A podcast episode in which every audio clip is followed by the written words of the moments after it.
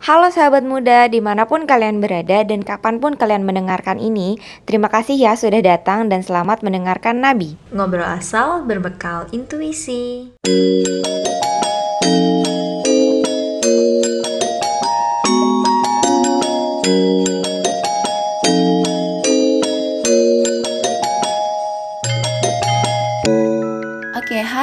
Semua, balik lagi sama kita yang hari ini bakalan bahas tentang kelanjutan uh, dari episode terakhir di seri yang sebelumnya, yaitu di seri Slice of Life. Hari ini kita bakalan lanjut ke seri yang baru, yaitu di episode kali ini. Ini kita episode keempat ya berarti. Iya keempat. Kemarin aku di episode 3 sempat mention kalau kita bakal bongkar ya lebih, maksudnya kita bakal bahas lebih lanjut soal kisah si cinta ini di Love Life. Jadi ada dua sisi yaitu sisi biru dan sisi kuning. Kita kan di minggu ini kita bakal bahas di sisi kuningnya dulu, yang happy happynya dulu. Kalau warna kuning kan identik lebih ke yang happy lah ya, lebih cerah.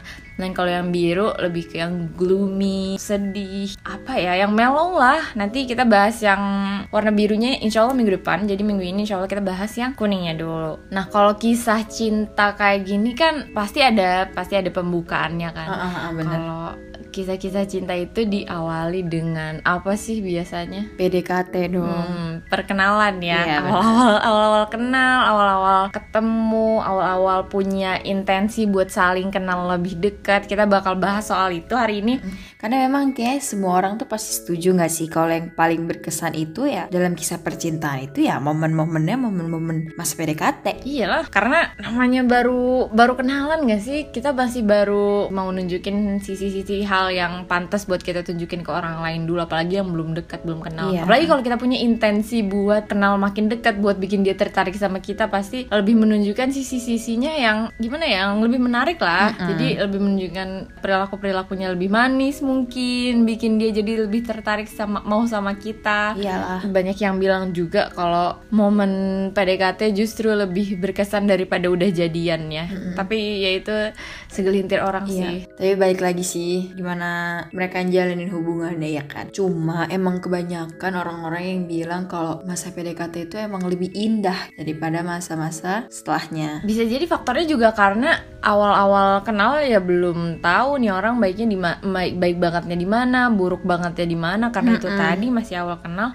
masih mau nunjukinnya impresi yang bagus-bagus dong ke orang yeah, lain. Uh, karena kan biar biar si pasangan kita tuh juga ngerasa kayak oh iya ya dia baik, hmm, dia ini dia, baik, dia dan iya. akhirnya mau gitu sama kitanya gitu kan. Iya dia baik, dia cocok ya ternyata ngobrolnya sama aku. Padahal hmm. mungkin ada juga yang kayak misalnya kan kita tuh apa kita nggak pernah punya ketertarikan ke suatu hal, terus tiba-tiba kita tahu orang yang kita suka ini tertarik sama hal itu kayak misalnya mm -hmm. nih orang suka nonton bola, terus kita jadi kayak oh iya aku juga suka klub yang ini hmm. nih padahal dia cuma ya tahu-tahu aja aja. Jadi making up things supaya bisa tetap lanjut ngobrol. Namanya PDKT kan. Menurut kamu kalau yang kayak maksain kayak gitu gimana? Salah apa enggak? Nggak salah sih nggak, pasti salah, cuma kalau aku sebagai yang melakukan hal itu ketahuan kan? Bener kan? Bener kan kejadian? Tapi emang bener. Maksudnya kayak sebenarnya kita bukan bukan bukan bermaksud bohong sih. Tapi lebih ke kayak kita menyesuaikan aja gitu. Mm -hmm. misalnya kayak oh dia suka nih oh dia suka suka hal ini gitu. Mm. berarti kan kita kayak ah, aku juga pengen gitu loh. Nyambung mm. sama dia obrolannya. ah, iya, iya, iya, iya. jadi kita kan lebih berusaha buat suka gitu. Iya jadi sebagai bentuk usaha kita supaya kalau ngobrol nyambung jadi nggak eng eng ong iya, gitu. kan emang tapi ada juga orang yang nggak perlu effort sama sekali ternyata klik banget nih ngobrol sama yang ini. Iya. Hmm. lagi nih ya kalau misalkan ini kalau dari pengalaman aku pribadi ya. Misalnya kita suka sama suatu hal gitu. Terus kita lagi masuk PDKT nih. Terus ternyata uh, orang yang lagi PDKT sama kita tuh tiba-tiba bilang kayak ih kamu uh, jangan suka itu kek. Soalnya aku nggak suka sama itu. Kan kita jadi ngerasa kayak wah apaan sih gitu. Baru juga kenal baru juga PDKT tapi udah ngelarang-larang gitu. Aku kemarin udah sempat mention juga kalau misalnya kisah cinta kayak gini tuh bentuknya macem-macem nggak ngerti. Maksudnya kenapa sih orang bisa merasa dia punya hak yeah. ngatur orang mm-hmm. bisa suka ini atau itu? Padahal walaupun dia pacarnya juga ataupun dia punya hubungan yang lebih dari pacar nggak ada hak dong buat ngatur. Kamu nggak boleh deh suka sama yang ini bolehnya suka sama yang ini. Yeah. lah itu kan hak manusia dong buat suka buat punya kesukaan pil- milih apa yang dia mau suka asal itu nggak mempengaruhi gimana mungkin treatment dia ke kamu segala macem dan harusnya kalau kamu mau sama orang itu terimalah nggak usah ngatur malah annoying tau Iya, terus juga lagian kalaupun dia nggak suka ya ya udah gitu loh. ya udah at least hargain Oh juga kita kita sebagai yang suka hal itu gitu misalnya. Ya kamu nggak perlu suka juga. Iya, kita nggak pernah maksa. Kalau aku suka pun biarin aja gitu loh. Iya makanya hargain aja kita sama-sama punya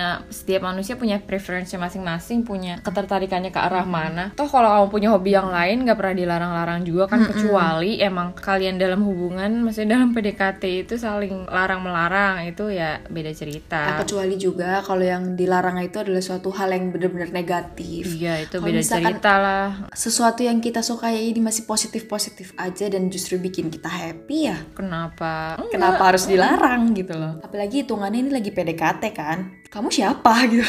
Aku suka hal ini udah dari lama gitu. Makanya Bin, maksudnya bahkan kalau dia punya hubungan beneran pun nggak punya hak buat ngatur itu mau suka sama apa. Ya kan? Itu kan di luar hubungan dong jatuhnya kecuali kalau dia mempengaruhi hubungan kalau hobi dia memberatkan kamu yang kayak bikin jadi apa menguras finansial memberatkannya ke kamu segala macam itu beda cerita ya mungkin. Lebih ke kita lah kalau punya hobi ya jalanin aja maksudnya sendiri nggak jangan beratin orang. Apalagi kalau misalkan kalau misalkan hobi kitanya juga nggak ngerugiin pasangan gitu.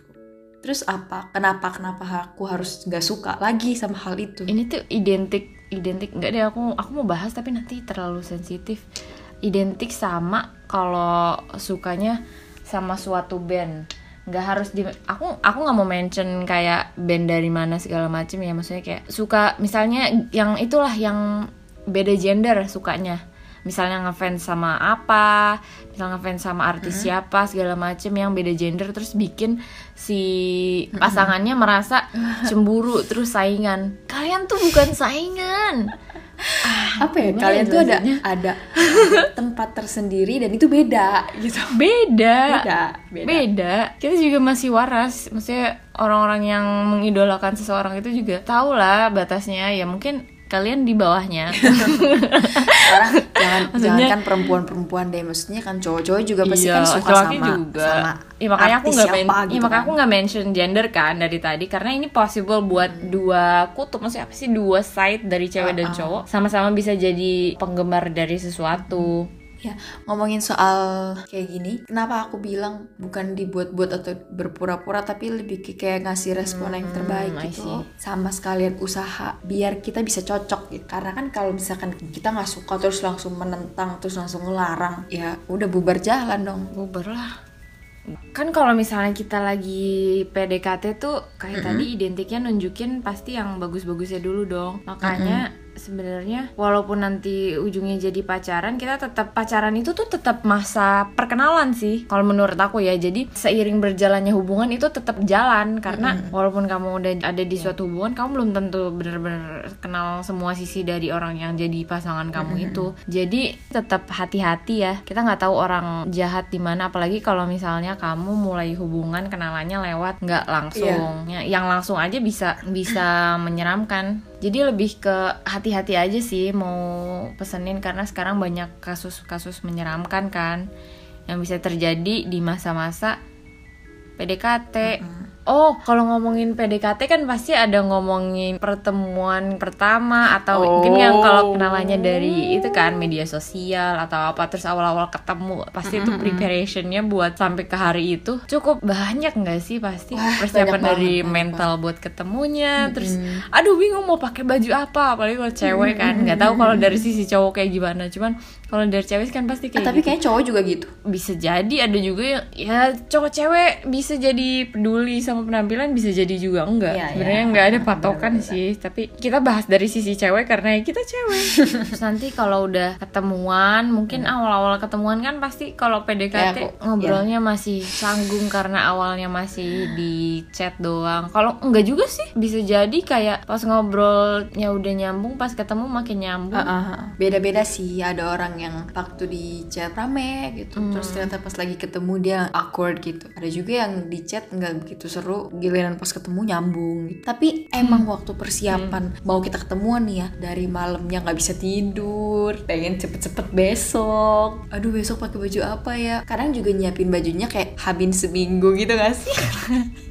Itu yang excited banget ya kalau yang iya. kalau yang biasa aja sih Hmm, aja Terus juga kadang kayak, aduh aku eh, besok pakai pakai makeupnya warnanya yang mana ya Eh, gitu. lipstick harus yang nude atau yang atau aku ombre aja atau aku harus pakai yang agak bold Iya, karena kita atau- dinner lucu deh kalau mikirin preparation kayak gini pas besokannya ternyata pas udah saatnya ketemuan, wah makin deg-degan lagi, makin makin. Nanti kita ngapain aja ya? Nanti kita- kira-kira first impression dia pas ketemu kita awal kali pertama gimana ya Mm, Terus kalau lagi PDKT itu kan biasanya selain yang tadi bohong-bohong soal kesukaan dia, ada perilaku lain kan supaya bisa menarik perhatian orang yang disukanya ini. Perilakunya tuh macem-macem. Kalau bahasa kasarnya tuh kayak apa nih? caper. Caper, caper sama gebetannya. Namanya lagi PDKT kan supaya kayak ih lihat nih gue lagi gini gitu. Atau enggak kayak ini sebenarnya terjadinya sama aku, tapi aku nggak tahu orang lain kayak gini juga apa Berarti berarti itu pengalaman pribadi guys. Iya, ini pengalaman Tapi pribadi. Mungkin banyak juga lah yang kayak gini kita nggak tahu. Yang deket sama aku pasti tahu deh. Tahu lah aku juga kayak gini. ceritain aja. Kadang kayak aku ngerasa kayak itu gak sih tadi aku jatuh ke sandung ini tahu sakit banget. Padahal enggak. Parah banget emang.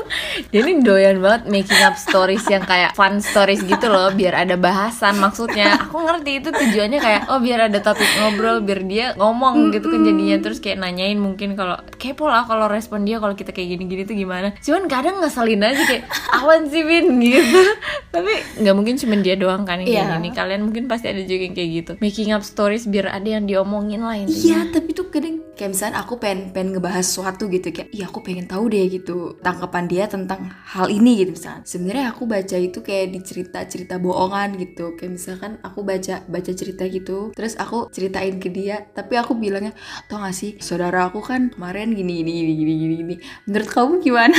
gitu. Paling itu ceritanya, paling itu ceritanya siapa iya gitu kan. atau enggak kadang aku ngarang kayak tau gak sih aku tuh sebenarnya gini gini gini gini gini gitu pengen tahu aja gitu dia kayak Hmm, gimana biar itu biar tahu dia responnya gimana saat kamu cerita kayak gini-gini. Mm-mm.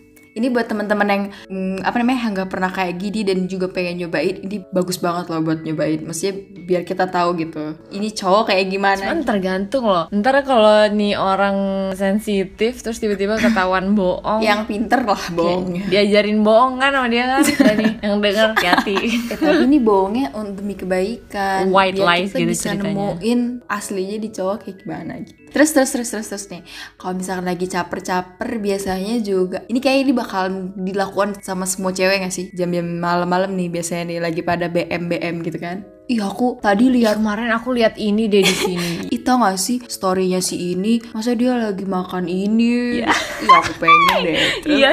Either dia mau diajak makan keluar kan misalnya itu kode biar ayolah lagi pengen makan ini nih atau bawain aja ke Iya rumah. kalau nggak dibawain ke rumah paling kayak di GoFoodin gitu kan Kayak udah kayak mm, happy gitu kan Tapi ini kayaknya nyambung ke love lang- language juga sih Bin. Ada orang yang emang suka dikasih dan suka ngasih. Iya, Tapi ada juga yang nggak suka kan. Mungkin ada juga yang cuma mau cerita lagi pengen makan ini, tapi dia maunya Iya, beli sendiri ah, besok atau kapan Ada, itu juga ada, pasti ada ada, yang yang kayak kayak gitu. Jadi nggak nggak semua orang cerita buat dikasih sesuatunya Iya. itu. Ada juga yang cerita cuman pure buat cerita aja. Jadi jangan ngira orang yang suka cerita kayak gitu-gitu tuh caper mau minta-minta. Sebenarnya aku juga nggak terlalu seneng sih dikasih-kasih kayak gitu Cuman itu lucu ya guys buat di share di SG bener gak? Konten hashtag Terus juga kan biar cowok kita ngerasa kayak dihargai cowok kita. Maksudnya- kan PDKT belum Iya. jadian. Iya para pendengar juga kayaknya ngerti ya kan? Nggak kayak Nah ya apaan? menyebalkan aku, aku tuh orang paling pengertian ini udah dimengerti terus di masa PDKT kayak gini kan nggak nggak semua orang yang PDKT berakhir di gerbang pacaran kan. Jadian atau jadi sama-sama terus. Karena ada aja kan pasti hal yang pas kita tahu bikin jadi kayak ih apaan sih? Kayak ilfil nggak mau lagi ya sama nih orang. Kan itu tuh pasti ada lah kejadian. Nah kalau yang kayak gitu ya berarti ujungnya nggak jadi sama-sama biasanya. Cuman tergantung sih dia ilfilnya yang kayak gimana kan itu pasti terjadi sih di PDKT yang either dia pilih buat lanjut atau enggak Iya, sama kayak yang tadi, dia baru-baru juga PDKT, baru juga kenal-kenalan, tiba-tiba ngelarang-ngelarang apa yang kita suka gitu kan. Hmm, itu Kayak- salah satu faktor iya Jadi itu sebenarnya ilfil tuh bukan cuman karena kita ilfil, mungkin ada beberapa orang yang ilfil sama seseorang tuh karena fisiknya. Pas di foto cakep-cakep banget nih. Catfishing. Gitu. Pas ketemu, em, hello, ini kayak orang yang beda deh gitu daripada yang di foto. Ya berarti fatal banget dong foto Cuman kan kalau misalnya kita foto Ada yang pernah bilang juga emang Yang mau kita post pasti kita pilih yang terbaik lah Lagian itu juga 2D Iya. kan Dua dimensi Dua dimensi Dan kita tuh kita manusia berapa dimensi? Empat. Empat ya? Emang ya? Udah lah kita Eh, Empat dimensi tuh kita? Pokoknya kalau manusia sama gambar ya kan pasti beda, Beda, Cuman ya seenggaknya mirip lah. Kalau yang beda orang pakai muka ke orang lain baru tuh. Ih parah banget. Itu kan scam namanya berarti penipuan. Ya, terus juga ilfil juga bukan cuma dari fisik. Sikap sih kebanyakan pasti. Sikap-sikap yang aneh. Karena jujur banyak banget. Spesies aneh itu banyak banget. Spesies kan astagfirullahaladzim mau kasar ya Tapi pokoknya jenis-jenis yang aneh gitu tuh Pasti ada. Kalian temuin Kalau explore-nya ke mana-mana. Nggak usah kalian yang PDKT deh Kalian lihat aja cerita-cerita orang di luar. Pasti ada aja bentukan orang yang, yang sikapnya tuh aneh gitu loh. Kenapa pas PDKT Ini PDKT guys? Kenapa sih kayak gitu gitu? Kalian kan lagi berusaha mendapatkan hati orang lain Kenapa caranya aneh gitu? Mungkin menurut dia itu adalah hal yang menarik dari hidupnya, tapi Mungkin. sebenarnya itu menyebalkan. ya balik lagi sih itu ke gimana personal dia masing-masing. Kalau kalau udah nggak cocok mungkin ada kali yang cocok sama yang kayak gitu. Jadi udah. Jadi berarti emang bukan bukan selera kamu cut off aja udah selesai. Iya. Sebenarnya emang emang kalau misalkan diceritain tentang PDKT ini banyak banget indahnya sih, ya kan? lumayan banyak kalau yang berakhir kejadian. Kecuali kalau berakhirnya nggak jelas abu-abu lanjut nggak lanjut itu. Ya PDKT-nya indah cuman ujungnya nggak enak kan jadinya Oke, jadi pembahasan hari ini sebenarnya kita khususkan untuk membahas kelucuan-kelucuan selama PDKT. Kayaknya rasanya bener-bener gak cukup karena masih banyak banget hal-hal yang lebih menggemaskan daripada yang udah kita bahas hari ini. Cuman eh, mungkin pesan untuk episode kali ini jangan terlalu cepat percaya sama sikap-sikap dan sifat-sifat positif yang mereka tunjukin karena itu belum semuanya. Jangan juga cepat merasa cocok karena kita belum tahu gimana aslinya. Kayaknya menarik kalau di topik selanjutnya kita bahas love bombing di Oh. awal. Uh, oke. Ngerti ya? Itu masih masih vibe PDKT tapi ini kayaknya nanti kita bakal bahas tipe-tipe orang PDKT yang mungkin kalian harus hindarin mungkin kali ya. Kita lihat nanti aja ya.